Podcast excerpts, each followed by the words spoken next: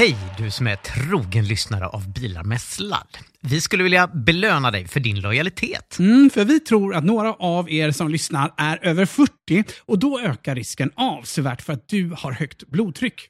Och risken den ökar sedan ju äldre du blir. Högt blodtryck det kan leda till en mängd allvarliga sjukdomar som till exempel hjärtinfarkt och stroke senare i livet. Nästan en femtedel av er som är över 40 har för högt blodtryck och de flesta vet inte ens om det. Jag och Fabian driver vårdcentralen Hälsa Hemma som du möter i vår app. Om du bor i Stockholm, Göteborg eller Malmö och listar dig på Hälsa Hemma vårdcentral så skickar vi hem en digital blodtrycksmätare till dig helt gratis. Blodtrycksmätaren kopplar du till Hälsa Hemma-appen och får där instruktioner om hur du kontrollerar ditt blodtryck. Gå till hälsahemma.se bilar med sladd för att ta del av erbjudandet.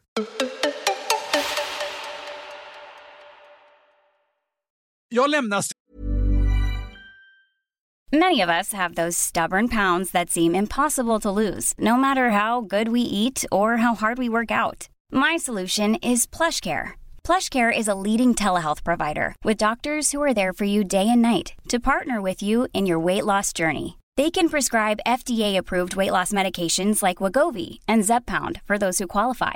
Plus, they accept most insurance plans. To get started, visit plushcare.com slash weight loss. That's plushcare.com slash weight loss. This Mother's Day, celebrate the extraordinary women in your life with a heartfelt gift from Blue Nile. Whether it's for your mom, a mother figure, or yourself as a mom, find that perfect piece to express your love and appreciation. Explore Blue Nile's exquisite pearls and mesmerizing gemstones that she's sure to love. Enjoy fast shipping options like guaranteed free shipping and returns. Make this Mother's Day unforgettable with a piece from Blue Nile. Right now, get up to 50% off at BlueNile.com. That's BlueNile.com. Burrow is a furniture company known for timeless design and thoughtful construction and free shipping, and that extends to their outdoor collection. Their outdoor furniture is built to withstand the elements, featuring rust-proof stainless steel hardware, weather-ready teak, and quick-dry foam cushions. For Memorial Day, get 15% off your Burrow purchase at burrow.com slash ACAST and up to 25% off outdoor. That's up to 25% off outdoor furniture at burrow.com slash ACAST. studion. alltså jag menar allvar. Kom igen, kör nu. Ja, Nu startar vi.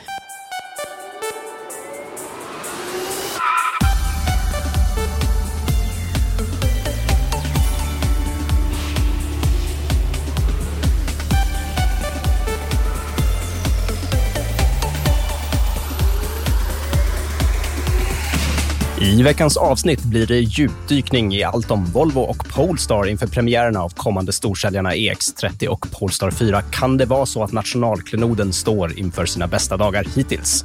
Och så hör vi det senaste om laddskandalen Easygate, svenska elmotorcykelkollapsen och luft under vingarna för elflygen hos Heart Aerospace och dessutom kavalkad av lyssnarfrågor. Allt detta och mycket mer i Nordens största miljö och elbilspodcast Bilar med sladd. Just det, Nordens största ska vi nämna igen. Kanske till och med Nordens största teknologipodcast emellanåt. Ja, jag vet inte tusan. Vi får Alltså. se, Jag tycker ja. du hade kollat fel i topplistorna där, Anders. Liksom. Är det så?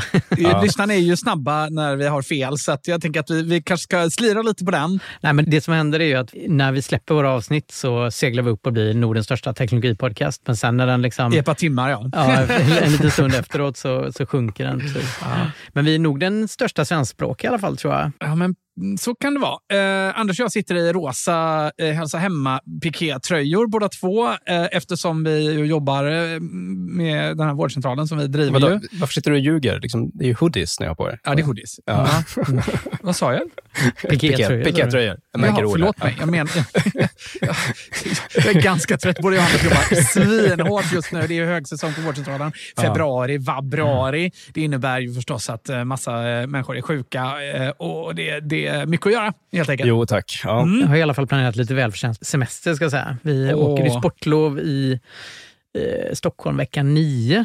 Och då så ska jag packa in familjen och åka till Tropical Islands utanför Berlin. Ah, kul! Har ni varit där någon av er? Nej. Jag, har, jag har faktiskt varit där. Ja. Det är ju någon gammal zeppelinarhangar va, som de har Precis. ombyggt till, nu- till, till inomhus Thailand. Liksom. Nej, det var faktiskt en, ett, företag, ett tyskt företag som startade år 2000, vill jag minnas, som byggde Mm. nya zeppelinare. Kommer ni ihåg att det var populärt för så här, 20 år sedan? pratade man om det Mm. som framtidens lösning för frakt. Ja. Så de skulle flytta då fraktcontainrar över hela världen med, med det här. Så de byggde de världens största fristående byggnad som hangar till sin zeppelinare. Och sen gick bolaget i konkurs. Ah. Och då står det i den stora hangaren där ute i skogarna utanför Berlin.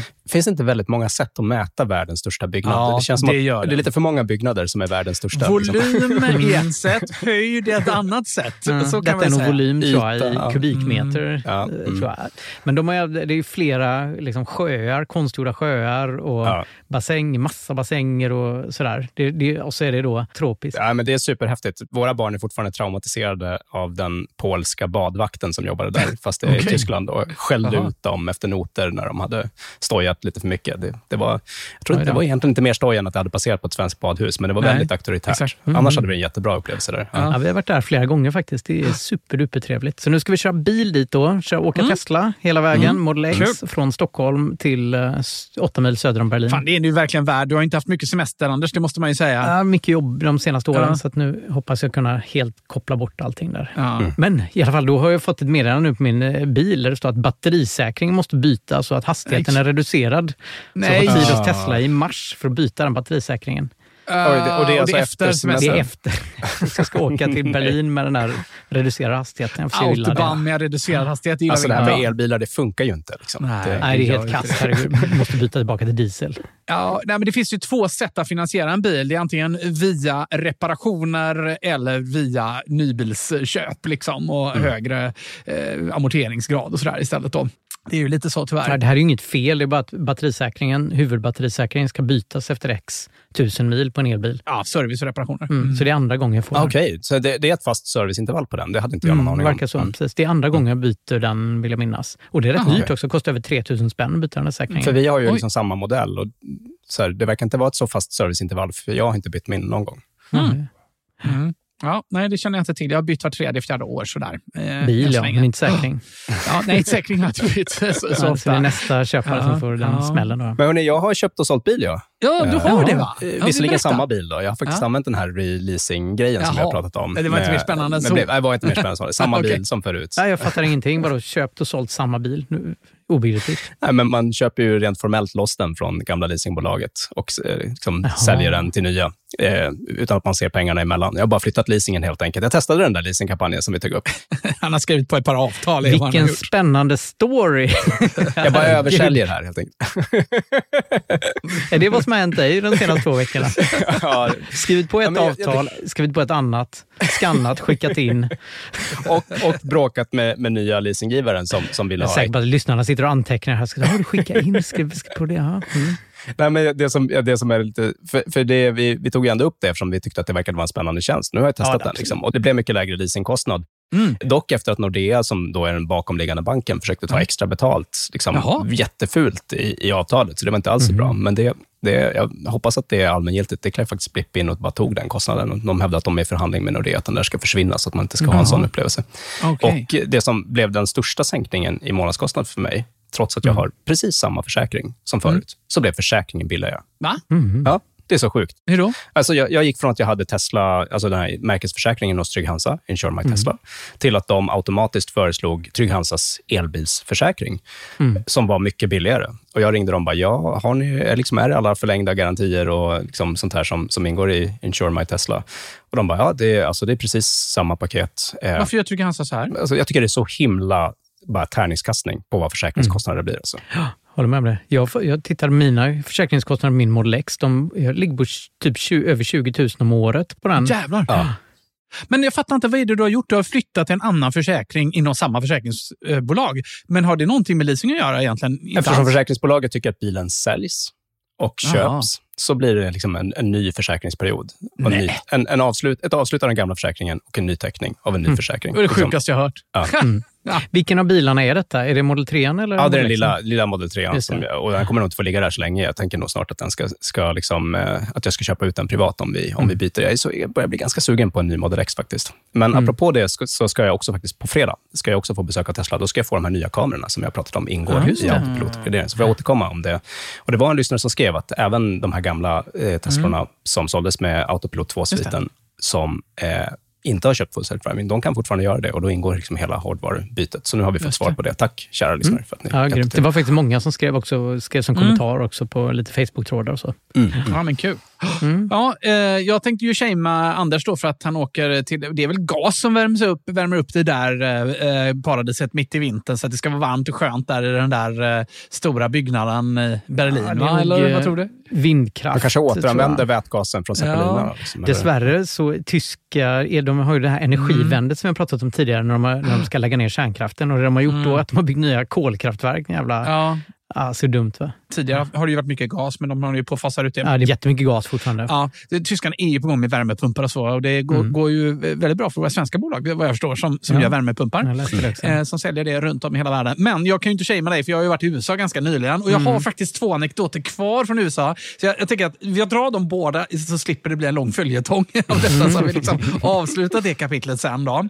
Eh, men vi åkte ju först till Stockholm, jag och Erik, och jobbade en vecka i Stockholm. Eh, och Sen så tog vi oss ner och eh, skulle ta flyget till Miami från eh, Oslo, från Gardermoen, flygplatsen där. Den känner du väl till, som har bott i Norge, ju Anders. Just det, jag har flugit mycket därifrån. Ja, men precis. Och där har de ju eh, ett nytt flygbolag, Norse, som eh, är utbrytare från eh, gamla Norwegian, tror jag, eh, som har he- helt nya jättefräscha plan. Så då är det direktflyg. Alltså, alla dagar i veckan åker jag bil längre för att ta direktflyg till USA eller egentligen var som helst, eller hur? För så, ni, alla vet ju att så fort något går fel och man blir försenad, ja, men då blir det, alltså, då blir det bara trassel av allting. Det är skit liksom. Mm, men Stockholm till Oslo är ju makalöst segt att köra. Det är ju jättelångt. Ja, det är ganska långt och det var också 28 minusgrader när vi gjorde det, för det var under den här köldknäppen. Just det. Men då går det väl inte att köra elbil egentligen när det är Det kallt gick ute? så bra! Jag skojade bara, det är klart det går. Eh, kanske lite för att Erik körde också. Han körde lite långsammare. Vi hade så bra räckvidd. Hela den vägen behövde vi bara stanna och ladda en gång. Och då rökte jag om bilen. Det har jag aldrig sett förut. Att det rök om den för att den var varm och det var så kallt ute. Men det, alltså, jag, jag upplevde det när vi hade fått första Teslan med värmepumpen. Liksom, att just efter att man har superladdat, de är så duktiga på att Ja. återanvända värmen som blir Ja. när man laddar. Så att de, alltså, de blir så snåla efter det. Liksom, att, Ja, det exakt. helt otroligt. Ja, nej, det var otroligt. Eh, Sen, sen är det väldigt märkligt. Det är någonting som gör att det blir väldigt varmt i kupén i min Model 3. Andra lyssnare får gärna höra av sig när den förvärmer batteriet. Så av någon anledning så blir det jättevarmt i kupén plötsligt. Man ställer den ner till 18, liksom 17-18 grader. I vilket fall, ehm, så vi tog oss ner till eh, och skulle bo över en natt för säkerhets skull i Oslo. Så vi bokade lite ett halvfancy hotell mitt i Oslo. Eh, och eh, sen skulle vi ta flyget då från Gardermoen dagen på. Och då den dagen kunde inte börjat värre kan jag säga när vi vaknade där på det där hotellet. Det börjar med, vi brukar alltid boka ett hotellrum med espressomaskin för att Erik vill ha liksom tre, fyra, kanske fem espressos på morgonen. Alltså, jag älskar de här titthålen in i era liv. Liksom. I know, I know, I know. Bögarna in, in action. Ja, han behöver ha liksom fem, sex espresso ibland för att komma igång på morgonen. Då. Så går han upp och tränar och så sover jag en liten stund längre. Så känner jag så här, fan, det luktar lite konstigt så här. Fan, så inser jag liksom, fan Erik, den här espressomaskinen, den, den brinner. Så vad gör man då när espressomaskinen brinner? Eh, alltså det rök liksom lite halvmycket från den ändå. Liksom. Eh, nej, men jag pluggade ur den. Eh, stormade ut, vi har ju låsta fönster som det är på hotell i regel. Stormade ner eh, i receptionen där. Tänkte så här, ska jag ta hissen? Nej, det är ingen bra idé. Tre trappor ner, hela vägen ner. Den eh, maskinen under armen som då brinner. Eh, fram på disken på det här halvfancy hotellet, ja, tyckte de själva kanske mest. Eh, Hello, my espresso machine is on fire. You might want to do something about this. Just det, du pratar engelska när du är i Norge för att du inte förstår norska. Visst är det Ja, så? nej, nej, nej, jag förstår inte alls. Och de bara tittar på mig så här bara, What did you do to it? jag försökte göra en jävla espresso liksom. Hur svårt kan Du det vara? rostade bröd. Liksom. Ja, det, det var ju liksom verkligen en dålig start på, på, på den här resan. Mm. Sen tar vi oss till Gardermoen. Eh, och där vet ju du också, Anders, att det finns miljarder av laddare. Det ska inte vara några problem. Jag pratade med dig innan också. Det ska inte vara några problem. Eh, Det gick inte ens att förboka en elbilsladdare vad jag kunde se. De att, eh, alltså de, eh, när jag bodde där, nu är det många år sedan, men då höll de Ja. på att bygga ett helt parkeringshus, bara helt Mm. fullt med laddare och då kostade det ingenting. Det var ingen app eller något, det var att plugga in och sen så Exakt. funkar det. Men Mm. eh, nu så var det lite mer komplext kan jag säga. Mhm, mm. Den här drive-in där de fortfarande sätter bilen på laddning, den visade sig finnas kvar men den var svår att hitta. Så vi hittade inte den, kunde inte boka den innan. Så Mm. vi hade bokat på eh, ett parkeringshus och eh, ja, men där finns ju kanske liksom 200-300 laddare som jag åker förbi. Mm. Pluggar in, går inte att få igång. Och det är 28 minusgrader. Mm. Eh, och Hur, står där, alltså den startar inte av sig själv eller? Det var någon app nu då eller? Nej, men det gick inte att få igång den med appen. Den hittade den inte i appen. Den hade ström. Den lyste grönt. Eh, så jag ringde deras support. Skak, stod ju huttra där ute i kylan liksom, för man måste ta av Du kunde handskar. inte sitta i bilen? eh, Det här visade sig bli den absolut sämsta laddupplevelse jag har haft under hela min tid med elbil. Eh, vi flyttade oss eh, 12 gånger mellan olika, för att supporten gav olika besked. Ett besked jag fick från eh, laddoperatören var att eh, nej, det går bara att ladda en bil åt gången av dem med två uttag. Man bara, det här Nej. det stämmer inte, säger man ju till dem då. Det här tror jag inte stämmer. Jo, du kan bara ladda. Man, nej. Och så ringer jag tillbaka, får jag något annat besked. Ingen laddare visar sig fungera i hela garaget. Mhm. Med din app eller funkar? Stod det andra bilar på laddning? Alltså det var den anvisade appen. Jag tror att det var mer var detta. Och, då- alltså, laddaren dyker inte upp i appen när jag söker på den. Helt enkelt. Eh, och det var samma fel hela tiden. Eh, Men hur, hur mycket ström hade du i bilen då? Liksom? Var det... Jag hade 80 procent i bilen. Mm. Då så, då hade du väl bara kunnat ställa den. Liksom. Exakt. exakt.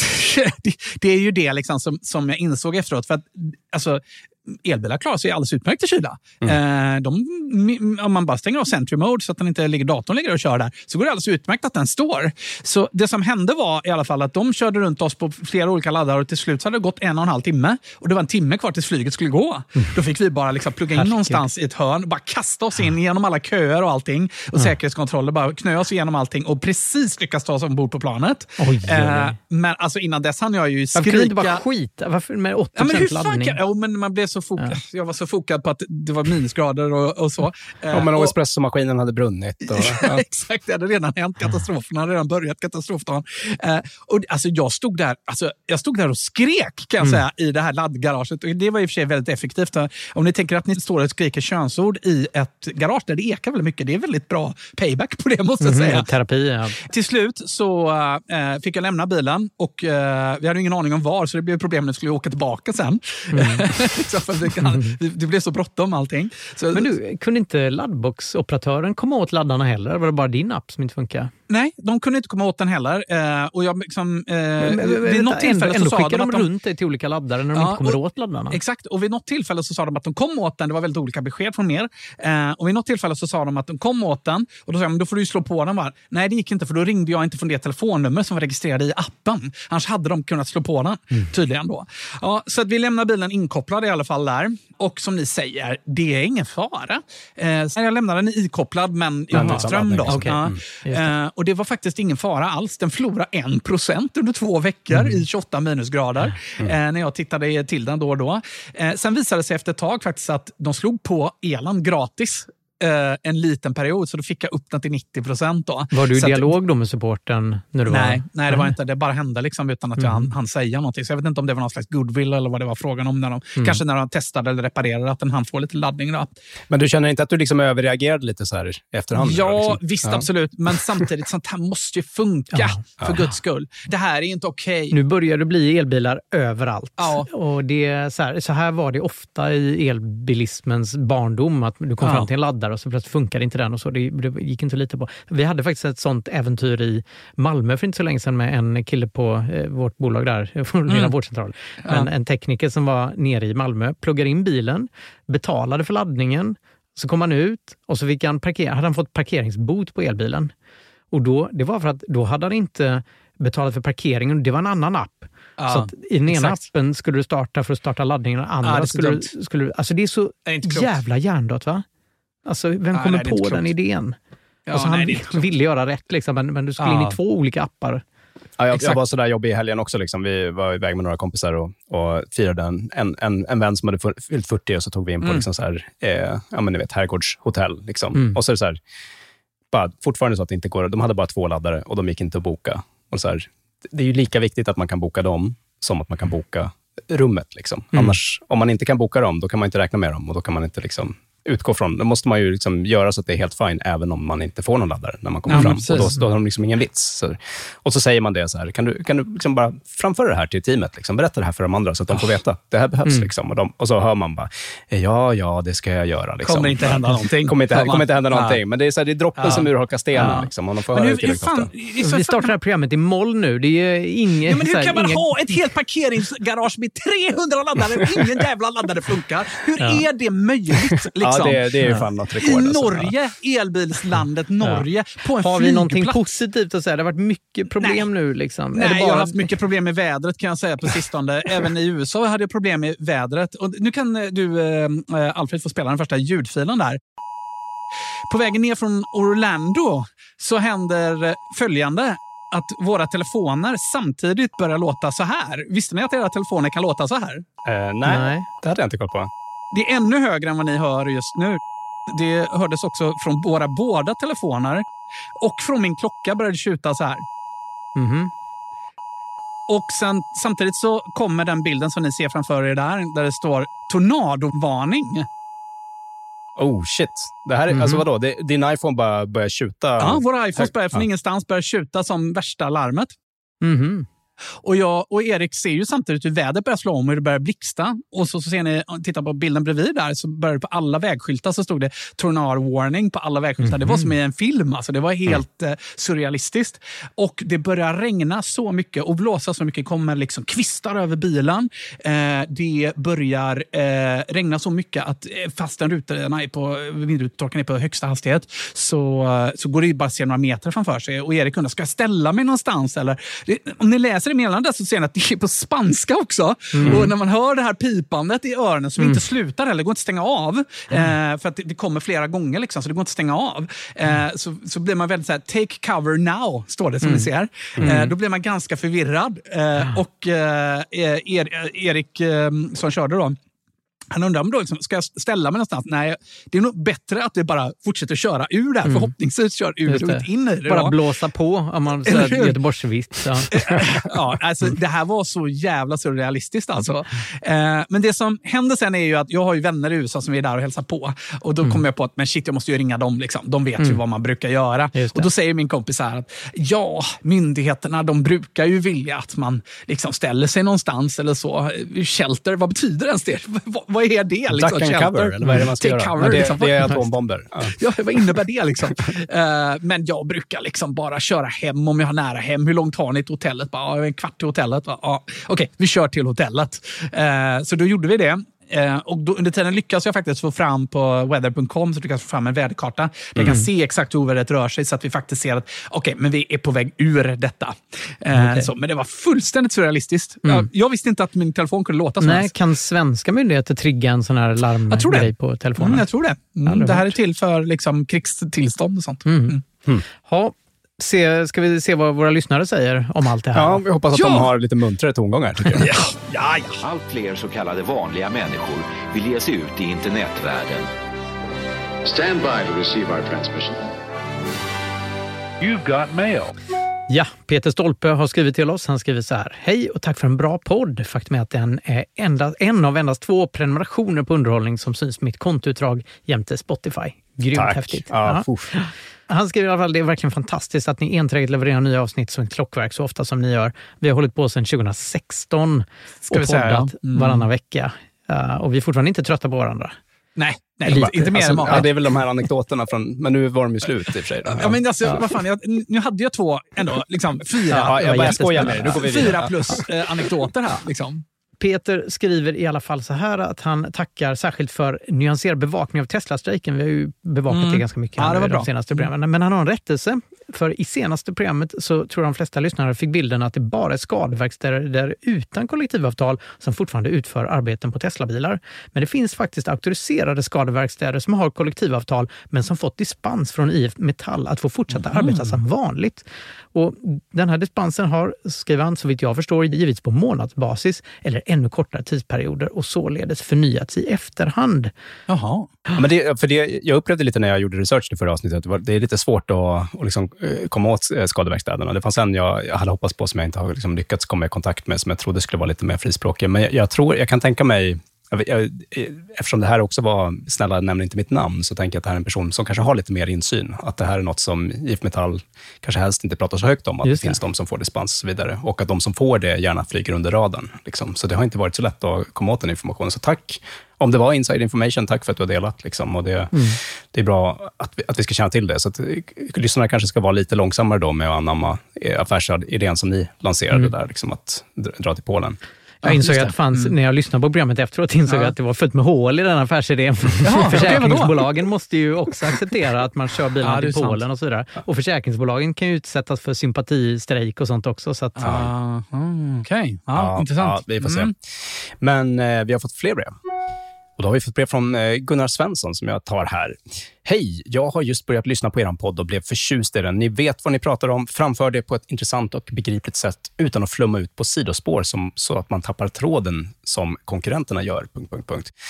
Men det finns ett problem med er podd, trovärdigheten. Jag reagerade när ni två Tesla-ägare, jag tror det var det här avsnittet som du och jag, Anders, gjorde själva när Fabian fortfarande ja, var skönt. i Florida. Det var, vad, vad härligt att höra ändå att det var stringent när inte jag var med. mm. Måste jag säga. Ja, jag gör mitt bästa för att uh, störa ordningen här. Gunnar reagerade när vi tydligt tog ställning i konflikten mellan Tesla och IF Metall. Mm. Jag försöker uppleva att det, det, är det jag inte gör, men, men eh, så hörde han oss i alla fall. Okay. Eh, de som driver en podd ska akta sig för för tydliga sympatier åt något märkeshåll, tycker jag. Och Problemet växte när ni i slutet gjorde reklam för Tesla. Bilar med sladd mm. är alltså sponsrat av Tesla. Där försvann all trovärdighet när det gäller just den, ja. det märket, mm. skriver då Gunnar. Eh, vilket är särskilt tråkigt eftersom intresset för Tesla är stort. Eh, ja, men vi kan nästan stanna där. Hur, hur ska vi tänka om, om det här? Ja, men det ena är att eh, det här, vi är en podd och vi är inte liksom en, en morgontidning. Mm. Det är väldigt svårt för mig som har kört Tesla sedan 2015 och eh, tycker om mina bilar och rekommenderar det till alla jag mm. möter att försöka vara oberoende. Så att jag är istället liksom ganska tydlig med att jag gillar de där bilarna. Och, mm. och så. Sen så är det massa grejer med Elon Musk som han håller på med som jag inte gillar överhuvudtaget. Jag tycker han har börjat flytta ut som en jävla idiot på massa områden. Ja, och det har ehm. jag ju täckt uh, ganska noga tidigare shower om man spolar mm. tillbaka också. Så att det finns ju väldigt mycket vi pratar skit om, mm. om Tesla också. Men, men till själva kärnfrågan här. Jag tror egentligen inte att uh, Gunnar här har så mycket emot att du kör Tesla eller att vi alla tre faktiskt kör Tesla. Eh, utan jag tror säkert att det här liksom sponsormeddelandet eller sponsrade länken som ju det är i slutet av showen, att det är liksom att ni upplevde det som problematiskt. Det är inte, han är, vi är inte alls sponsrade av Tesla, utan Nej. vi har vissa såna referral-länkar som vi pushar ja, för. Affiliate-länkar. Ja, ja. Så, och det man behöver veta om dem är ju att de, det är ju om någon beställer en bil på dem eh, som det blir något av det. Och Det har ju mm. varit mm. lite beställningar tidigare och det har vi fått, men nu kan jag säga att det har varit en beställning på senaste året som har gett mig lite gratis superladdar mil, men i övrigt så har det ju varit nästan ingenting. Ingenting nej. nej eh, så att, alltså, man måste ju förstå att vi gör ju detta på en fritid. Vi tjänar ju inga större pengar på detta. Eller vi tjänar inga pengar på detta, utan ja, liksom, vi går väl snarare bakom något nej, men, detta. Jag har en bakgrund som journalist tidigt i min karriär. Ja. Då jobbade jag faktiskt på Dagens Industri. Och där, mm. där hade det faktiskt för mig varit förbjudet att bevaka Tesla. Och det, det tycker jag är bra att vara transparent med det. Men, eh, och, vänta, och förbjudet? Varför det? Jo, därför, inte på grund av de här sponsorlänkarna, utan på grund av att jag är aktieägare i Tesla. Ah. Eh, och det, det är ju liksom allra högsta grad någonting som jag tycker att vi ska vara transparenta med. Och jag, jag vet att jag har nämnt det i tidigare poddar, men det, det, blir också ingenting man tar upp varje avsnitt liksom, mm. när man pratar om det. Eh, och, Jag försöker verkligen i min hållning, alltså det är viktigt att poängtera att Tesla har aldrig försökt påverka oss eller få oss att säga någonting. Och Jag försöker vara helt ärlig med att bara säga vad jag tycker. Mm. Och Jag har ju liksom investerat i Tesla för att jag är imponerad av mycket av strategi och utförande och liksom vad, vad Ja. jag tror kommer bli där. Och just eftersom vi inte har någon lön för det här alls, utan Nej. mitt jobb är att vara investerare, så om jag skulle vara tvungen att välja mellan att göra podd och att vara investerare, då skulle jag vara tvungen att göra slut, sluta göra podd då, helt enkelt. Så att, Är det så? Ja. Ja, Hellre absolut. än att släppa dina Tesla-aktier? Ja, jag skulle, jag skulle Okej, absolut inte kunna hålla på med det här om, om jag var tvungen att välja mellan det. Liksom, utan det, det är verkligen så att eh, mycket av min inkomst kommer från de aktier jag äger och så vidare. Och det behöver liksom jag, jag kunna syssla med. Mm. Det här är inte nå- något investeringsrådgivning, men, men jag, jag äger inga andra aktier som, som jag tror påverkar mitt innehållet här. Helt Inte på Volvo eller Polestar heller? Vi låter Nej. oss inte köpas. Alltså vi, eh, jag är 44 år och har tillräcklig integritet för att inte liksom, eh, låta det jag säger i podden köpas utan att det märks upp liksom, som Ja, sponsor eh, på något sätt. Jag äger inga Tesla-aktier eller egentligen inga andra aktier. De enda aktier jag äger just nu är i Hälsa Hemma eh, Mm. och mina egna bolag. Eh, Så, så, och alla vet ju liksom att jag är väldigt partisk där. Så Mm. att jag, jag tror att det vi kan göra är att vi kan vara väldigt tydliga med när det är eh, reklam. Och det tycker jag vi är när vi spelar in sponsrade inslag, eh, precis som många andra eh, gör. Och jag tycker att det är tydligt att vi lägger saker i slutet av showen också. Men eh, vi har väl pratat ihop oss lite här allihopa och vi känner väl liksom att det är liksom onödigt att den här Tesla-länken ligger där. Den ger oss ingenting heller för övrigt. Så vad säger ni, ska vi ta bort den eller vad ska Ja. vi göra? Absolut. Som vi gjorde redan i förra avsnittet faktiskt, för det här mejlet hade hunnit komma då. Och Mm. eh, jag, jag höll med Gunnar så mycket att vi, vi helt enkelt enades snabbt om att ta bort det då. Men Ja. här kommer också kommentaren. Och så svarade, jag tycker det var bra att vi fick det här mejlet, för det var, det var en bra Mm, ja. förevändning att, att, Ja. att prata om det. Och jag tycker att det behöver nämnas. Vi, vi gör vårt jobb att försöka vara så ärliga som möjligt. Ni kan, kan vara helt trygga med att det kommer inte någon smygreklam, eh, liksom medveten smygreklam utan att vi markerar vad som är sponsrat innehåll. Nej. För det är ju lag på det. Och Sen vill jag också säga en annan sak som de flesta poddar inte har. Det är att vi har en ansvarig utgivare. Eh, och Det ändrar ganska mycket faktiskt. För att eh, man kan råka rätt illa ut av stora bolag som kan stämma en. Eh, om man säger saker som de inte tycker stämmer. och så. De kan hota om stämning också. Vilket jag har sett på nära håll har hänt bloggar och eh, poddar och sådär. Eh, Medan vi har ansvarig utgivare och det betyder, och det är ju du då, Alfred. I am responsible. Och Det betyder ju då liksom att vi är eh, liksom under upphovsrätt precis som en tidning och får uttrycka oss mer fritt. Man kan inte stämma oss på samma sätt. då. Jättespännande diskussion. Och jag, jag tycker det kan vara viktigt att också nämna bara principen vi har med liksom, vilka sponsorer vi accepterar i programmet. Att vi, Ja. vi skulle nog kunna ha mycket mer liksom, sponsorer utöver de här Acast-reklamen som vi inte kan Ja. styra över. Men vi släpper bara in sponsorer i programmet som vi känner att vi helhjärtat kan backa. Att vi, vi, vi tror på dem. Så att det, Ja. det, Jättespännande. Jag är säker att lys- lyssnarna har säkert antecknat ordentligt här nu. Alla aktieinnehav. Nej, men jag tycker ändå liksom lite så. eh, Att det här är ju ändå ganska genomtänkt från vår sida ändå. Det måste man ändå säga. Men lyssnaren hade ju också lite rätt. Så eh, ja, nu är det borta i slutet i alla fall. Nej, men inte rätt så tillvida att vi är betalda och köpta eller Nej, någonting sånt. nej, det är vi sant. säger precis vad vi tycker och tänker. Nu snurrar vi vidare. Vi har fler lyssnarbrev. Yes. Och då skriver Kristoffer Rodstedt. Han skriver tja. Tack för en fantastisk podd. Har precis lämnat Tesla-träsket, glad smiley, efter att ha kört Tesla sedan 2017. Ja, det är länge det. Um, valet föll på en Seeker 001, mest för att testa någonting nytt. Visar sig att bilen är förberedd för att kunna ladda ur, alltså V2G, Vehicle to Grid. Vad är det för något, hörni? Ja, men eh, jag, jag känner att jag behövde läsa på lite inför att Mm. vi f- fick det här mejlet faktiskt. För att, eh, så det finns ju massa olika standarder. Liksom, vehicle to home, vehicle to load, vehicle to grid, vehicle Ja. to X ser man Jajamän. ibland. Liksom. Och där är väl egentligen så att Vehicle to load är det som innebär att man bara har liksom en stickkontakt vid bilen Mm. som man kan stoppa in en apparat i. Medan de andra, eh, liksom, vehicle to home är lite mer liksom, verkligen riktat på att det ska handla om att vara en batteribackup till ditt hem liksom, och kunna Ja. driva hemmet på det. Och de andra är ännu mer generella, att man ska kunna använda bilens batteri till och med för att mata ut eh, ström ut på elnätet till exempel och få betalt för det. Ja, men det är Eh, väl vehicle to grid är ju det, att du pluggar in det i växelriggarna Ja, men om det är vehicle to grid eller bättre, liksom, då, då funkar ju både vehicle to home och vehicle to load också. Så det är som att de, Ja. de, de är liksom i en stigande skala. Och Det är också så att det här är så omoget, så det är inte så tydligt att är det vehicle to home man har eller vehicle to grid. Faktum var att eh, brevskrivaren här hade bara skrivit ladda ur, så det var jag som la till vehicle to grid där i hans, hans brev. Han var inte riktigt Ja. säker på vad det var han hade. Men, Han eh, säger ju också här att eh, tillverkarens egna information är ganska kass och han har försökt att googla och han har inte hittat någon hjälp. Så han, han undrar ju här, vad, vad, är det som behövs egentligen för att nyttja bilen som batteri och är det ens möjligt? Han skriver att han uh, har, um, precis som många andra elbilsvänner, solpaneler och han har tittat lite på Tibbers egna batteri dessutom. Det kan jag säga någonting om, för jag har ju beställt det för full transparens återigen. Då, då. så ja, vad säger vi om Vehicle to Grid och Load och Ja, men han hoppas ju slippa skaffa batterier just för att han, om man ändå två, har två elbilar, ja, då kanske han kan slippa ja. betala extra mm. för de där batterierna. Men och man kan väl egentligen börja där med att så här, om man har batterier, nu är det jag som inte har det av oss tre som, som försöker förklara det här, så får ni korrigera mig om jag, om jag har fel. Jag har två batteripaket på ja, 5 kilowattimmar. Bara. Ja, men det är bra. Då, kan, då får du rätta mig här i realtid. Mm. Ja, men man behöver ju en speciell växelriktare som kan dra nytta av det där batteriet och eh, bestämma sig för när det, är, när det är dags att använda solelen för att fylla på batteriet och när det är dags att dra ström från det batteriet. Och mm. Eh, ifall man har liksom en sån inställning med sitt elbolag eller använder en sån tjänst också kanske då eh, till och med mata ut på elnätet, sälja tillbaka ström till elnätet om man, om man mm. skulle vilja göra det. Det kallas hybridväxelriktare. Så en vanlig mm. växelriktare, när man installerar solpaneler, kan man inte koppla in batteri för att den ja. kan bara omvandla likström till växelström. Men om du mm. vill kunna omvandla åt andra hållet så måste du ha en, en växelriktare som stödjer båda hållen. Då.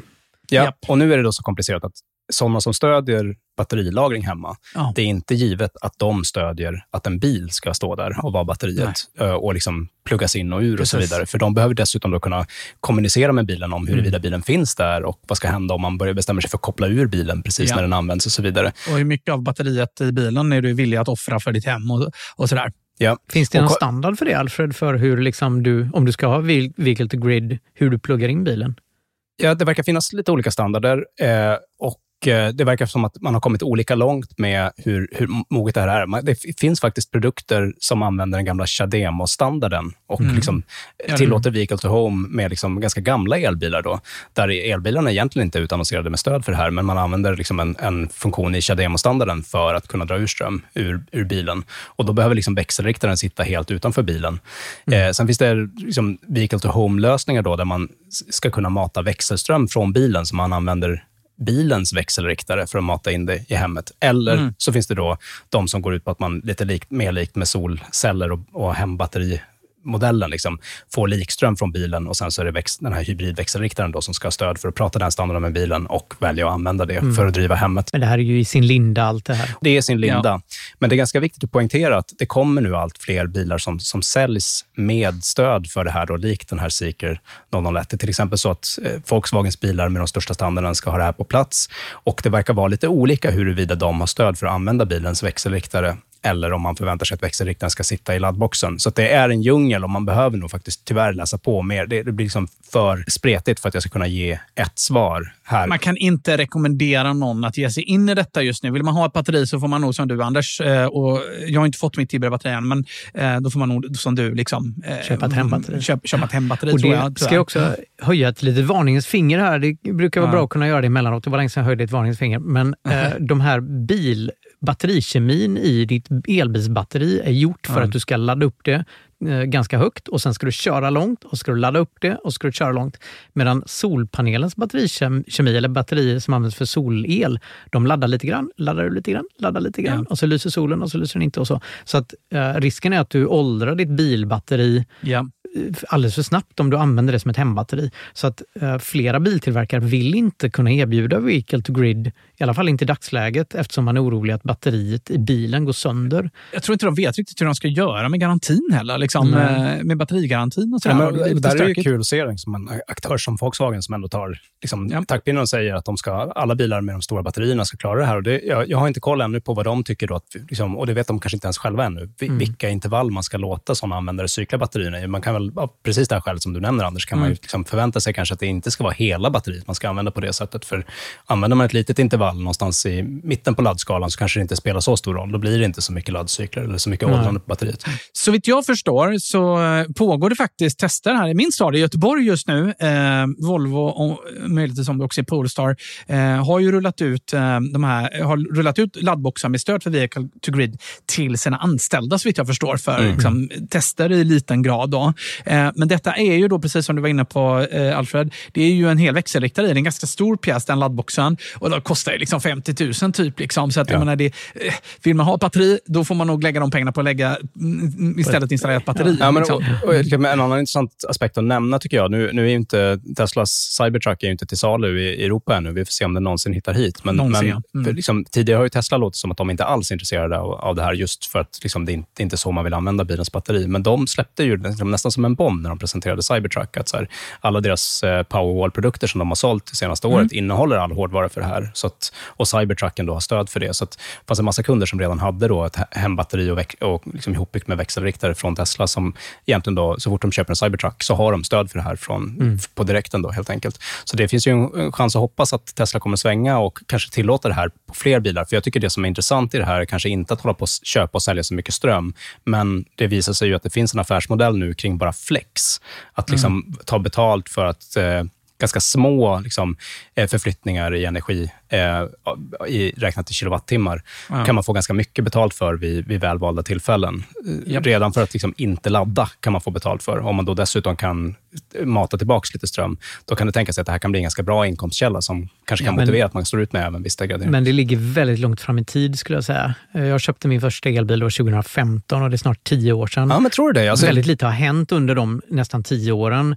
När ja, det, alltså, det säljs många fler elbilar, men det är ungefär samma standarder som används nu som då. Så. Ja, men, jag håller med dig om det sett till liksom hur länge man har pratat om det här, att det har legat långt fram i tiden. Men nu tror jag att det börjar hända saker. För nu verkar det som att de här produkterna börjar letas ut på marknaden och prismodellerna kring Flex från elbolagen har börjat sätta sig och komma på plats. Ja. Vilket gör att hela incitamentet för varför man ska ha det också börjar, börjar lösa sig. Så jag tror egentligen att det är de kommande två, tre åren som det här, då kommer det här börja bli mer konkret och det kommer komma produkter på marknaden. Ja, vi får nästan slå vad om det. Jag tror ja. det är ute där. Det, det som kommer hända, jag har ju då som sagt beställt Tibbers batteri, jag har inte fått det levererat, jag har inte betalat för det och jag är faktiskt inte säker på att jag kommer ta emot det. Vi får se lite grann vad, vad som händer det var så fin presentation och jag, mm. jag, antar att det går att avboka det.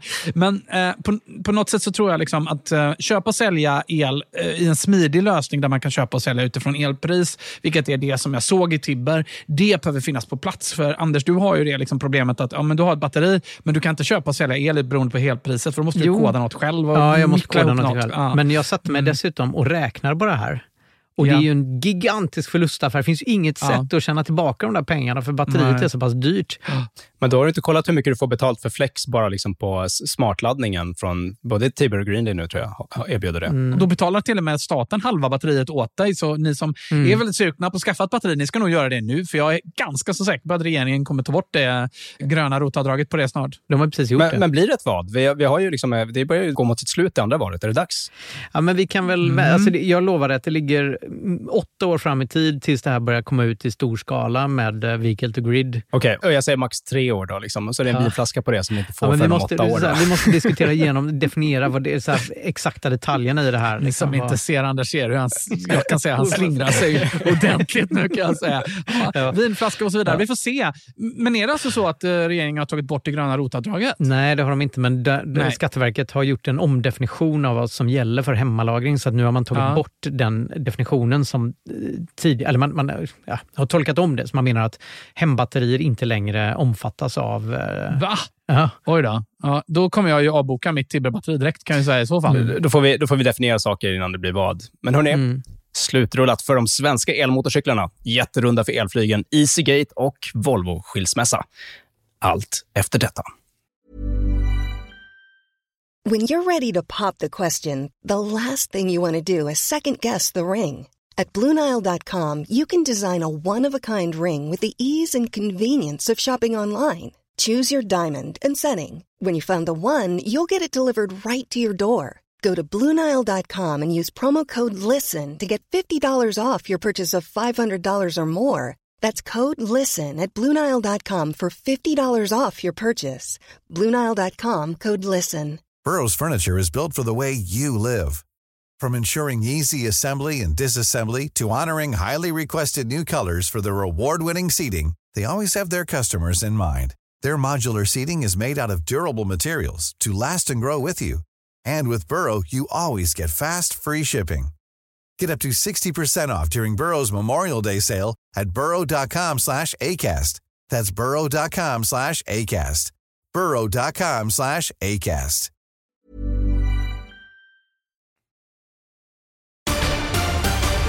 Ja, den svenska elmotorcykeltillverkaren Cake går i konkurs samtidigt som Heart Airspace verkar lyfta. I förra veckan stod det klart att den svenska elmotorcykel-startupen Cake alltså kastar in handduken. Mm. Bolaget som på sin topp värderades till hela 1,7 miljarder kronor för några, bara några år sedan försökte in i det sista få till en räddningsplanka på 80 miljoner kronor som de behövde för att hålla sig flytande. Men affären sprack när ingen av de existerande ägarna utöver AMF, alltså pensionsbolaget, ville vara med och mm. betala. De investerade för övrigt på toppen. Liksom. Det, var, det var mm. då de kom in, kan man veta, mm. om man har pensionspengar. Hur många har de sålt? Eh, för de hade motorcyklar ute på marknaden som på ett sal och så. Ja, men exakt. Eh, Cake har sålt eh, någonstans ungefär 6 000 fordon och enligt sina egna prognoser så hade de behövt nå en försäljning på ungefär 7 500 mm. till 10 000 motorcyklar per år för att liksom bara bli kassaflödespositiva. Mm. Så de 6 000 det, det är från, från grundandet fram till nu, liksom, så att de är långt ifrån? Det är från start. Jag har försökt luska ut liksom, vad försäljningen faktiskt var här nu liksom, under det senaste året och det verkar som att de säger att de inte har backat i försäljning. Men det, det brukar inte vara så, så bra i sådana här förhoppningsbolag som ska växa snabbt. Utan det verkar då som att de har sålt ungefär lika många motorcyklar under 2023 som de gjorde under 2022, vilket förvisso då kanske är en prestation på grund av att den här företagsförsäljningen till eh, såna här budbolag och sånt som var viktig under 2022 mm. verkar ha totalt kollapsat under 2023. Det går ju trögt för de bolagen.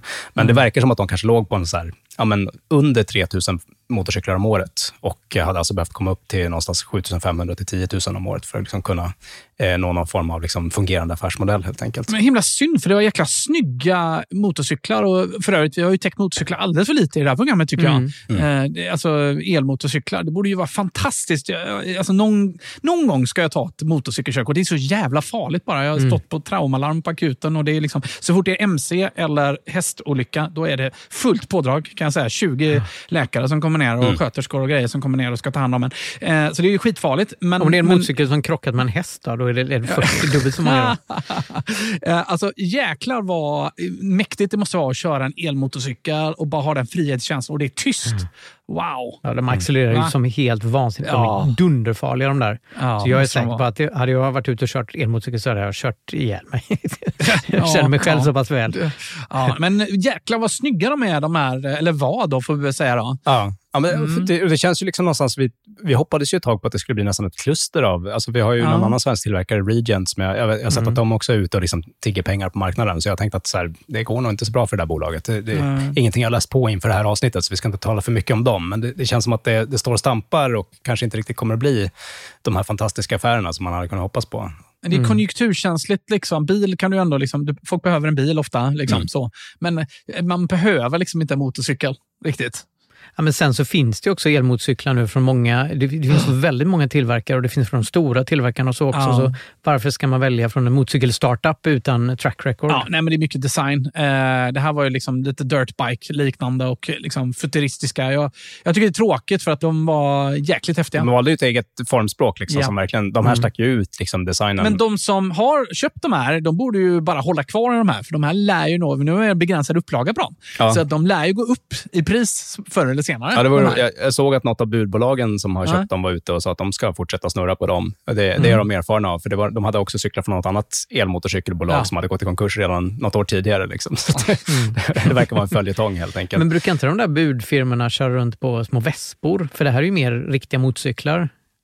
Mm, ja, men jag tror att de har haft, lite, liksom, de har haft ett par olika produkter i sin portfölj. Liksom, och jag, jag, har sett dem snurra förbi då och då i Stockholm de här, liksom, och tyckt att det är kul varje gång man ser en cake. Mm. Men, ja, vi får se helt enkelt hur länge de där fortsätter att rulla i trafik. Bolagets eh, historia verkar i alla fall vara, vara all om inte någon kliver in och köper konkursboet nu då och försöker mm. göra någonting vettigt med ja, det. är kanske någon som hör det här och blir intresserad. Ja, det. Men ja. du, sa, du nämnde också Heart Aerospace. Eh Ja, betydligt roligare ja. nyheter då från eh, västra sidan av Sverige, där wow. Heart Aerospace, som då är den svenska utvecklaren av elflygplan, de mm. har helt i motsatt riktning då, säkrat en runda på 1,1 miljarder kronor oj, för fortsatt oj, oj. utveckling av det där flygplanet. Eh, när man grottar lite i det så visar det sig för sig att hälften av pengarna har de fått redan långt innan. Utan mm. det, det, mm. det, blir aktier nu, för det var såna här konvertibler som de hade tagit tidigare. Men så det är i alla fall en ny påfyllning om någonstans 500-600 miljoner kronor in i det här bolaget, vilket ju i sig är en ganska väsentlig runda helt enkelt. Mm. Och Det har de lyckats med helt enkelt för att de har redan sålt eh, förvisso då färre plan än vad Cake säljer motorcyklar, men plan är ju också något dyrare. Så de har orders på 250 stycken plan av den här Oj. kommande första modellen ES30, eh, som dock blir ett hybridplan. Eh, tänk, Ah. jag tycker det var värt för oss att ta upp. Det är alltså ett, ett flygplan som ska kunna flyga 30 passagerare 20 mil på ren eldrift och lika långt till om man använder planets turbogeneratorer som då alltså alstrar el med hjälp av Jag hoppas att flygbränsle. det blir någon slags Polestar 1 av det då. liksom. Mm. Bilen som vi alla liksom glömde sen. Liksom. Men då använder de eh, den eh, turbogeneratorn då, som generator som genererar el som gör att de kan ladda batterierna och flyga ännu längre. Så det är en Ja, räckviddsförlängare kan man säga då, på bensin. Ja, det känns som, liksom, som BMW i3s eh, Rex. Där, liksom, att den, Mm, ja. det, det, det är elmotorer som driver planet. Men Och det är de de har kan- sålt eller?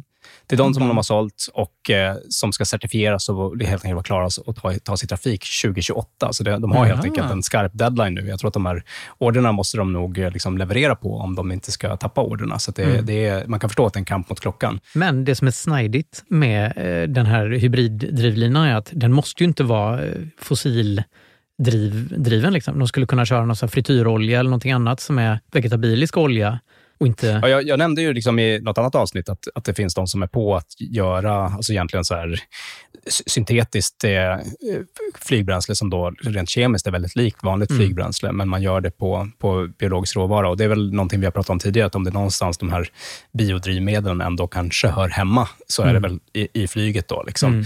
Mm. Men, Men, det är viktigt att nämna där, bara höja ett varningens finger. Inte för att jag gör det så ofta, men eh, när man släpper Två ut... gånger i samma ja, podd. jag vet, Ja, ja, ja. Ja, när man släpper ut eh, avgaser på hög höjd så, eh, jag tror de, de, de fyrdubblas, det inte så?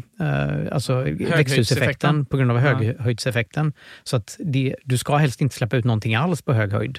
Nej, men exakt. Och det, och det, det problemet finns ju även liksom för vätgasdrivna flygplan som rimligen Mm. släpper ut vattenånga på den, på den höjden. Liksom, att man, man får det problemet där också. Att man, men eh, i alla fall, de ska ha en färdig prototyp, eh, vilket visar sig vara någon form av eh, modell som inte flyger eh, redan i år. Som mer handlar om att liksom, demonstrera skalan och kunna testa ut system och så vidare, bygga färdigt flygplanet. Så att det, vi får se när de på riktigt kommer upp i luften, men någonstans de kommande åren inför trafikstart 2028-ish. Det blir spännande att följa. Wow. Men du, var mer exakt? Jag vill nästan åka dit och hälsa på. Är det någon som eh, känner någon så hör av er.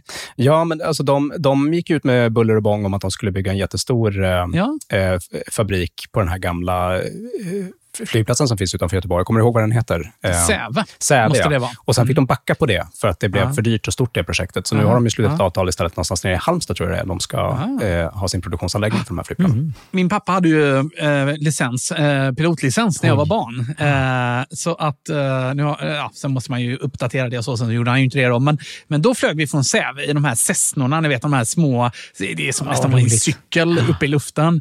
Men, och jag tyckte Ja. det var jätteläskigt, minns jag. Jag var väl kanske sex år gammal. Ja, det är fortfarande en, en barndomsdröm jag har. Jag läste en massa Biggles Mm. mm. flygpilot när jag var liten och då började jag drömma om att eh, flyga i Söderhavet. Så att jag har gått och Ja. drömt om sån här pilotlicens. Är det så? För, ja, Ja, det får du göra sen. Ja. jag tänker på det ibland när jag lägger mig och sover. Att flyga mellan atollerna, där, så ligga i Google Earth på kartan och bara kolla på de här... eh, Nej, liksom, men vilken fin liten inblick vi fick i ditt liv nu. Vad, vad fint det var. Tack för det. Ska vi eh, följa med Anders på en flygtur till Norge istället?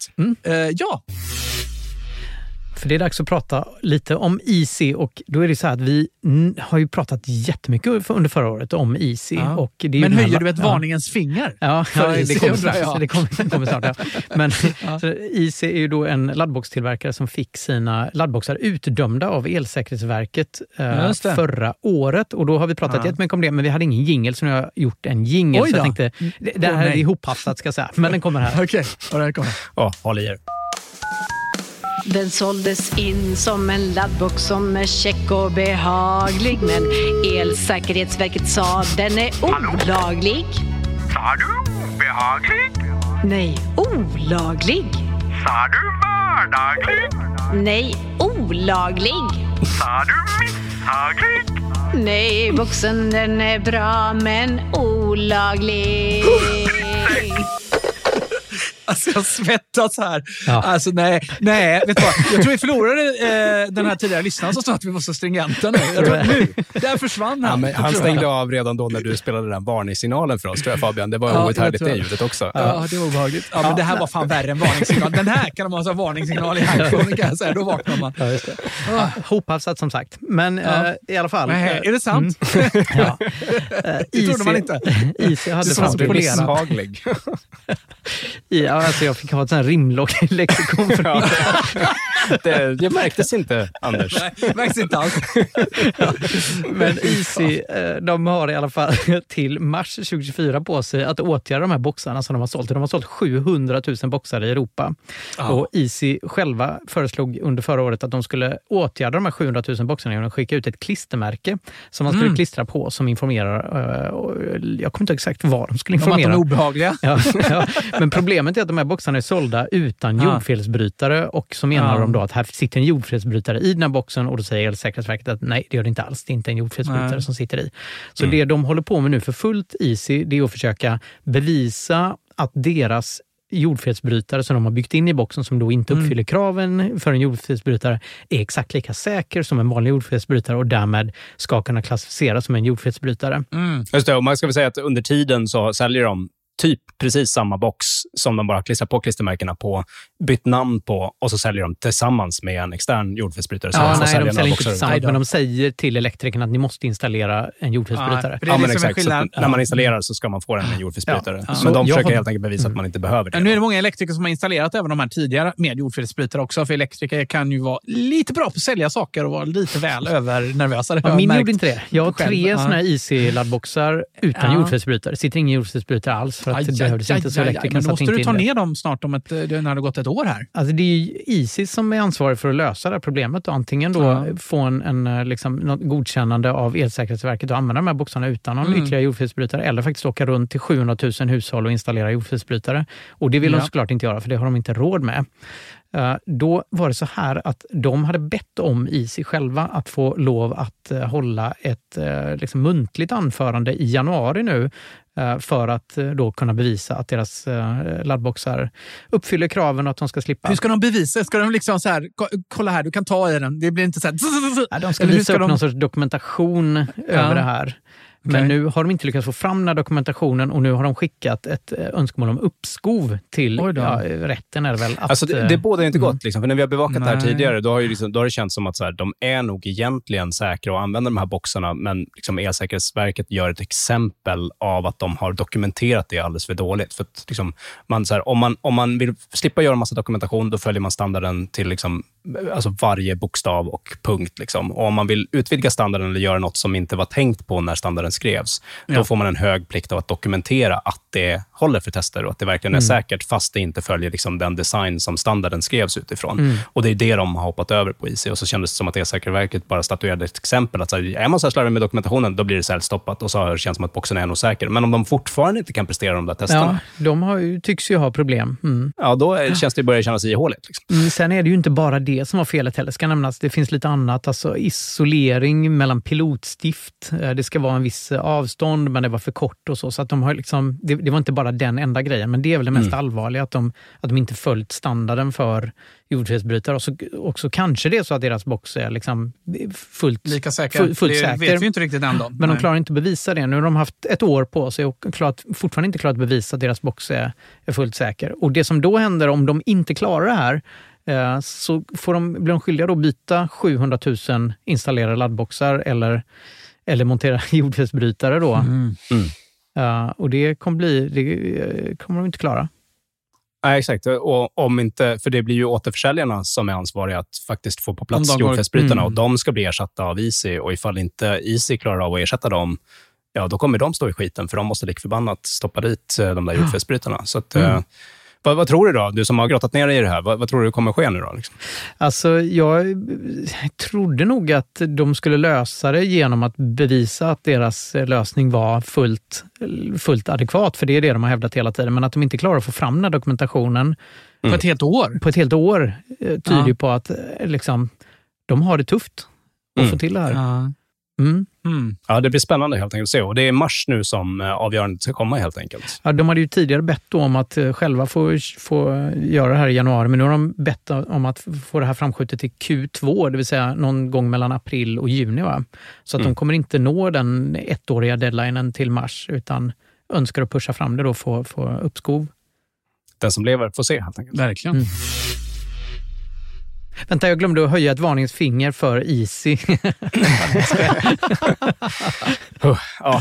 Hörrni, jag tänkte att vi skulle prata och djupdyka lite i, i Volvo och eh, liksom, eh, delvis också då lite Polestar. Ja. För nu är det dags för skilsmässa. Jaha. Och ändå så rullar Volvo riktigt bra, skulle man kunna säga. Vadå skilsmässa? Eh, jo, häromveckan så kom Volvo Cars, alltså då personbilarna, eh, de kom med en kvartalsrapport. Och jag tycker liksom att eh, vi har pratat för lite. Vi har pratat eh, om, om alltså du har ju varit och provkört EX30 Fabian och vi har pratat om Mhm. modellerna när de kommer. Men vi har inte pratat så mycket om Volvo som bolag, trots att vi har gjort våra djupdykningar i försäljning och så vidare, hur det går för alla andra koncerner och så vidare.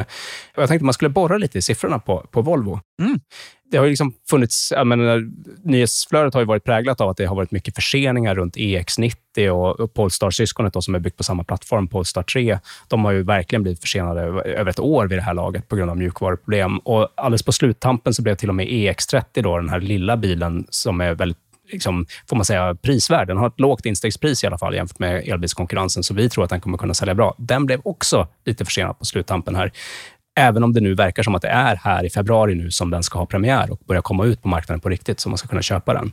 Och så har vi varit lite frågande kring den här satsningen på minibussen EM90, som inte har känts riktigt eh, given som en Volvo-bil. Och den ska väl främst säljas i Kina då, visserligen. Eh, och Det har liksom funnits många så negativa grejer runt Volvo och längs med vägen har också börsen varit ganska hård mot Volvo. Liksom aktiekursen har gått ner så det har sjungit om det. I synnerhet då efterhand som Polestar har blött jättemycket pengar. De går med stora förluster på Polestar-sidan, och vilket har gjort att Volvo har fått skjuta till nya pengar, nytt kapital helt enkelt, till Polestar. Hela tiden. Men Polestar är ju då delägt av Volvo och Volvos ägare Geely, men det är ju samma huvudägare i Kina, Geely, som äger både Polestar och Volvo. Som ligger bakom, ja. Men om man är Mm. aktieägare i Volvo, då, då är man ju också Såklart. liksom, Ja. indirekt aktieägare i Polestar, helt enkelt. Eh, och det, men jag tycker det är intressant här, för att liksom, om man ändå lägger de nyheterna åt sidan och kollar lite på siffrorna och kollar hur det går för Volvo, så finns det massa ljuspunkter där mellan raderna och också massa saker som tyder på att det här kan bli ett ganska liksom, stort år för Volvo, vilket jag tycker är lite intressant när det ändå är någonstans... Alltså, hjärtat klappar ju ändå lite för Volvo som svensk. Det är någon form av nationalklenod, Mm. eller hur? Liksom. Ja, verkligen. Och Det som står klart eh, i samband med att den här kvartalsrapporten kom då, eh, och som aktiemarknaden genast jublade över, det är att Volvo de tänker helt enkelt skilja sig från Polestar. De tänker dela ut Polestar till sina aktieägare, vilket ju då innebär att alla våra lyssnare som råkar äga några Volvo-aktier, de kommer helt enkelt få aktier direkt till Polestar, så man får välja vad man vill göra med sen. Då. Eh, Men framför allt kanske då att resten av aktierna går ju då till Geely, som kommer att få liksom bära ansvaret för vad som händer med Polestar. Om det fortsätter att bli mer förluster där, då är det Geely som får skjuta till pengar och inte Volvo. Det är ju samma koncern som du var inne på, Anders. Ja, vad men- spelar det här för roll? Det känns som en formalitet, en pappersfråga. Mm. Lite som ditt avtal som du pratade så Du om. sålde och köpte till dig själv, eller hur det nu var. Ja.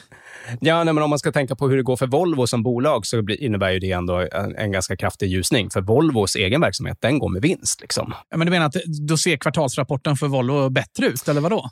Nej, men det innebär väl att eh, det finns en lägre risk att eh, Geely stryper eh, Volvo och Polestar tillsammans därför att det är, som koncernen som helhet inte går bra och så vidare. Eller om man för den delen vill köpa in sig i Volvo, då behöver man inte ha någon liksom, risk eller exponering mot att Nej. man tror, ska Men tro man på ska ju Polestar veta som att det går så här bra för Volvo på grund av Polestar också. För de har ju använt Polestars teknik i sina nya elbilar. Ja, men visst är det intressant? Ja. Alltså, det känns som att Volvo Ja. verkligen har använt Polestar som en språngbräda in i Ja. elektrifieringen. De var tvungna att göra Polestar för att få fart, tror jag, Japp. internt på att förstå att det är elbilar som är grejen. Japp.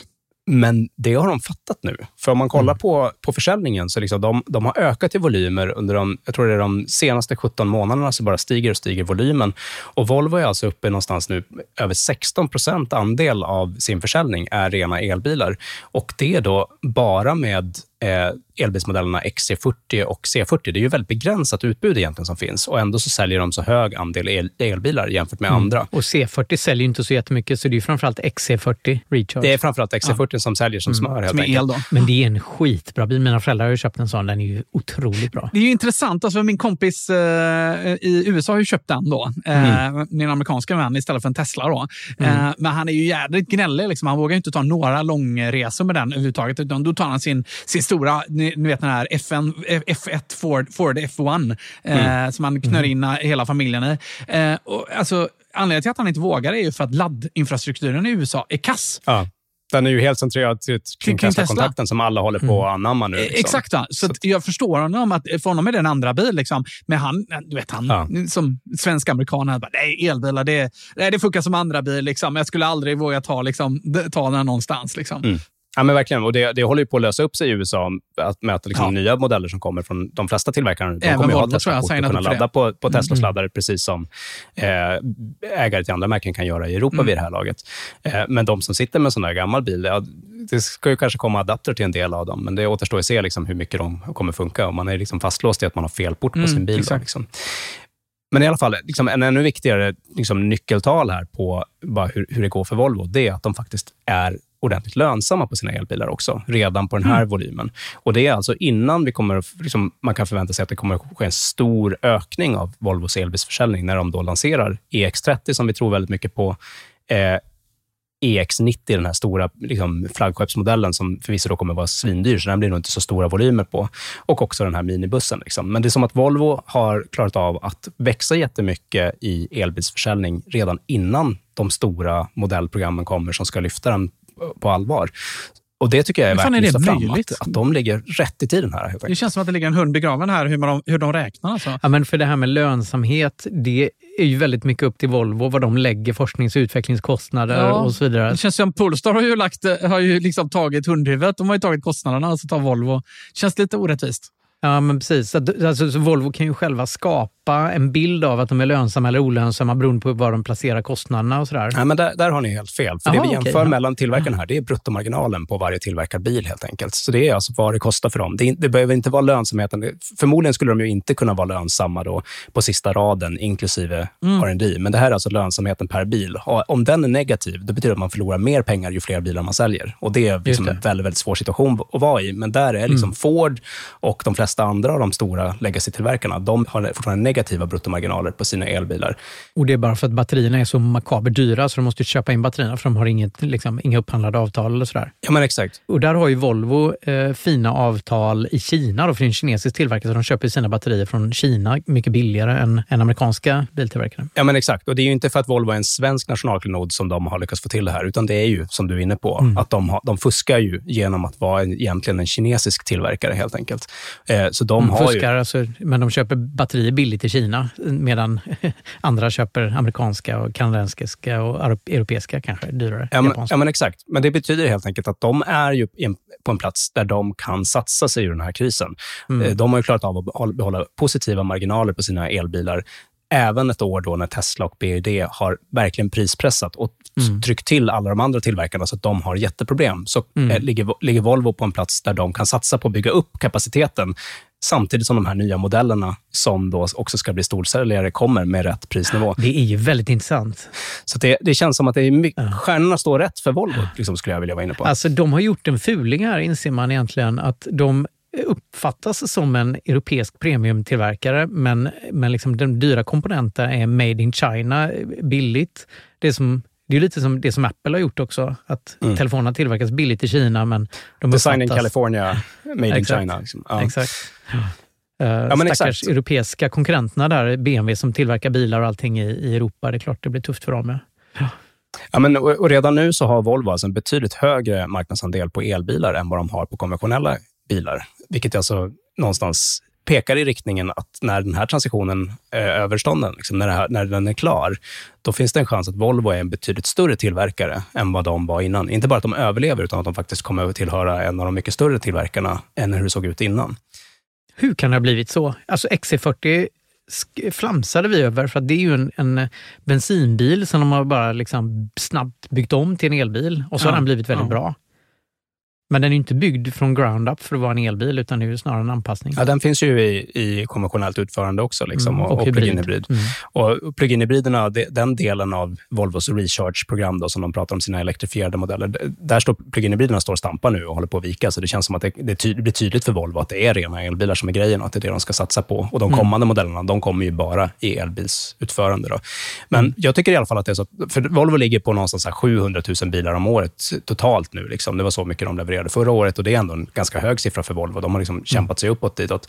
Men, men de räknar alltså med att vara på ungefär 1,2 miljoner bilar om året 2025 och att hälften av dem ska vara elbil, rena elbilar då, vilket alltså antyder någonstans 600 000 elbilar om året. Eh, att jämföra med någonstans eh, 80-90 000 elbilar om året som de ligger på nu. Och, alltså, jag tycker det är jättekul. Verkligen. Är de, är de kinesiska eller inte? Som svensk så hejar man ju någonstans på Volvo, men det känns som att Verkligen. de kommer vara med och dela på den här liksom, Toyotas lunch som, som jag var inne på. vad, vad, vad tror alltså, ni? Nej, men någonstans så... Vi, alltså jag dömde ut Volvo för fyra, fem år sedan, någonting sånt, när de, bara, när de fortfarande satt och skrattade åt elbilar och, och menade att det var hybrider som var... De, kommer du ihåg när de kom med sina mildhybrider? Det var ju det största mm. skämtet. Liksom. Då, då... Ja, visst. Nu ska vi bli, satsa på eldrift ja. och så var det mildhybrider de menade. Precis. Alla våra bilar ska bli elbilar och det de skulle göra var att byta 12 volts batteri till ett 48 volts batteri och det, det var liksom deras definition av elbilar. Mm. Men efter det verkar ju någonting verkligen ha hänt ja. hos Volvo.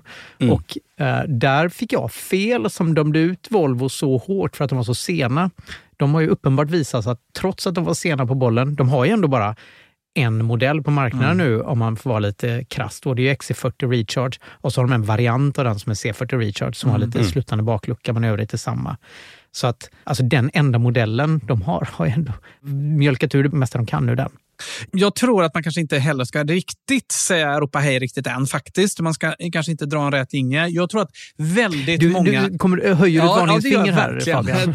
Jag höjer det högt och tydligt här i podden. Ja. Jo, men därför att um, många är ju Volvo-fans och de finns ju runt om och är märkeslojala. De som inte är märkeslojala de har bytt redan till en elbil eller något annat märke. Mm. Uh, nu kommer Volvo med elbil och det finns ett uppdämt behov av att köpa en, en ordentlig elbil från Volvo. Eh, det är inte säkert att de kan surfa på den vågen hur länge som helst, faktiskt. Mm.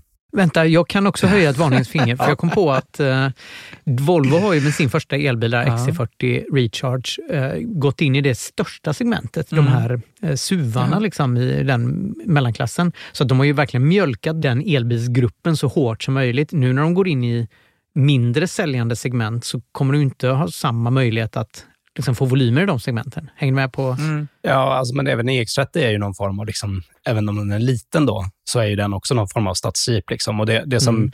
är paradoxalt här, det är någonstans det att alltså, Volvos egna bedömningar så de, som de har kommunicerat och vad liksom, de flesta bedömare utanför bolaget tror, det är att de kommer ha mycket bättre marginaler på EX30. Då, som, trots mm. att det är en billigare bil än, än XC40 så kommer de ha bättre marginaler på, på den. Mm. Vilket är ju, liksom, det är ju mm. drömmen, liksom, att man kan sälja mm. en bil billigare, och, vilket gör att man kan sälja mycket större volymer och samtidigt ändå ha bättre marginaler mm. per eh, enhet. Då, liksom. det, mm. det båda gott för att de ska kunna liksom, ta sig över den här kritiska gränsen och verkligen nå skalfördelarna i att man blir en stor tillverkare. Där mm. BUD och Tesla redan är, men de andra stora liksom, legacy-tillverkarna står och stampar nu. Där de, de har inte tagit sig över den gränsen och därför så drar de tillbaka sina satsningar nu när marknaden har vikt lite grann. Och Då blir de ännu mer efter, vilket gör att det blir ännu svårare att komma över den gränsen sen. Liksom. Men det verkar som att Volvo har klarat av att passera det nålsögat. Liksom. Ja, men det förutsätter att EX30 då säljer bra, för det är ju en liten premium-SUV. Den kommer ju ändå vara dyr. Och det är en liten bil och det finns många Kina-bilar i det som blir betydligt den är väldigt Ja, men den är billig. Alltså, mm. Den startar ju på mm. 440 000 ja. någonstans, så den är väldigt, ja. väldigt prisvärd. Liksom. Och det, mm. ja. alltså, jag det är genomsnittspriset för nya bilar snart... ligger kring 400 000 för övrigt. Så den, vi kommer mm. ihåg att vi mm. pratade om 2024 så kommer elbilarna prismässigt vara i kapp. Här är vi nu. Mm.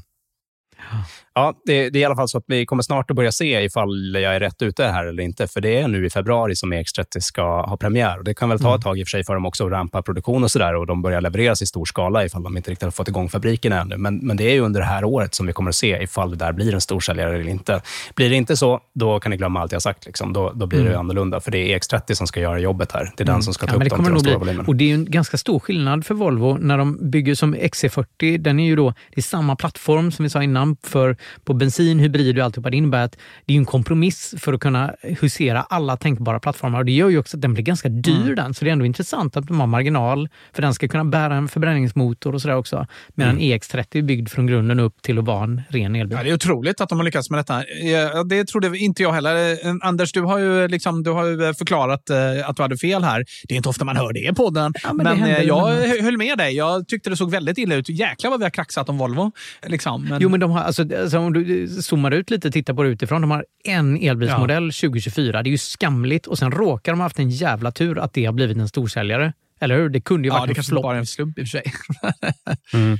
De, de kanske skulle vilja tillskriva det Ja, skicklighet. kanske. Vem vet? Ja, men, ja, vi, jo, fast de... Vi alltså, kan här då nere på man inte västkusten vänta allvar. bara tills elflyget kommer också. Heart Aerospace. Jo, jo, jo, men, men poängen var ju lite att om de inte liksom tar det på allvar så kan det ju lätt bli en flopp. Jag tror att de tog det på allvar, Ja. men att de, eh, deras kommunikation utåt var något helt annat. Eh, Och Det märktes när när vi ville komma och hälsa på dem. Kommer du ihåg det? Då sa de nej, nej, nej. Eh, vi har fullt upp med elektrifiering. Vi har inte tid mer. Så sa de. Ja. Ska vi avsluta då med ett eh, varningens finger för Volvo? Nej, det ska vi inte göra. Det fingret får du använda eh, någon annanstans. Jag höjer inga fingrar. Jag Ja. slår bara ut med armarna åt mina kära poddkollegor. Men Ja. det börjar bli dags att avrunda podden. Om du vill stödja den här podden, då är det bästa sättet att prenumerera. Hur gör man då, Anders?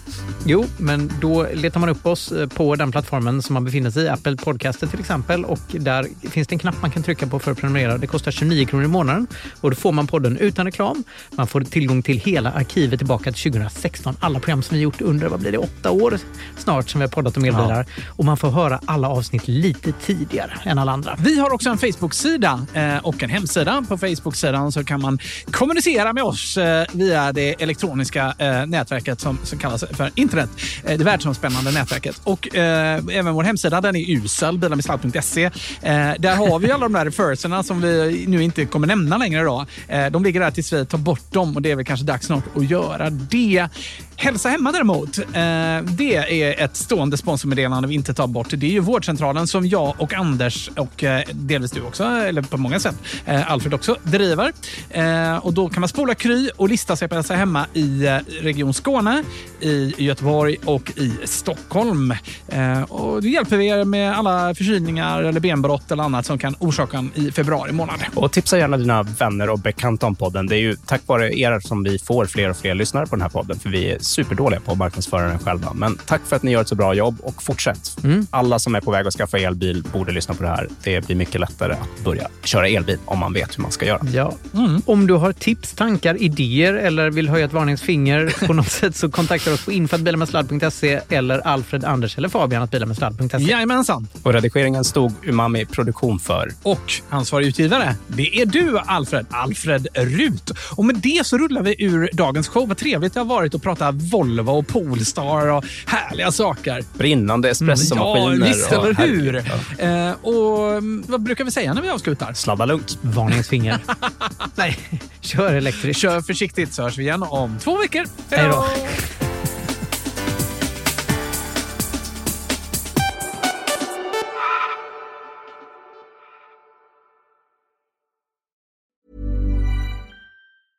Mom deserves the best, and there's no better place to shop for Mother's Day than Whole Foods Market. They're your destination for unbeatable savings, from premium gifts to show-stopping flowers and irresistible desserts. Start by saving 33% with Prime on all body care and candles. Then get a 15-stem bunch of tulips for just $9.99 each with Prime. Round out Mom's menu with festive rosé, irresistible berry chantilly cake, and more special treats. Come celebrate Mother's Day at Whole Foods Market. Mom deserves the best, and there's no better place to shop for Mother's Day than Whole Foods Market. They're your destination for unbeatable savings, from premium gifts to show-stopping flowers and irresistible desserts. Start by saving 33% with Prime on all body care and candles. Then get a 15-stem bunch of tulips for just $9.99 each with Prime. Round out Mom's menu with festive rosé, irresistible berry chantilly cake, and more special treats. Come celebrate Mother's Day at Whole Foods Market.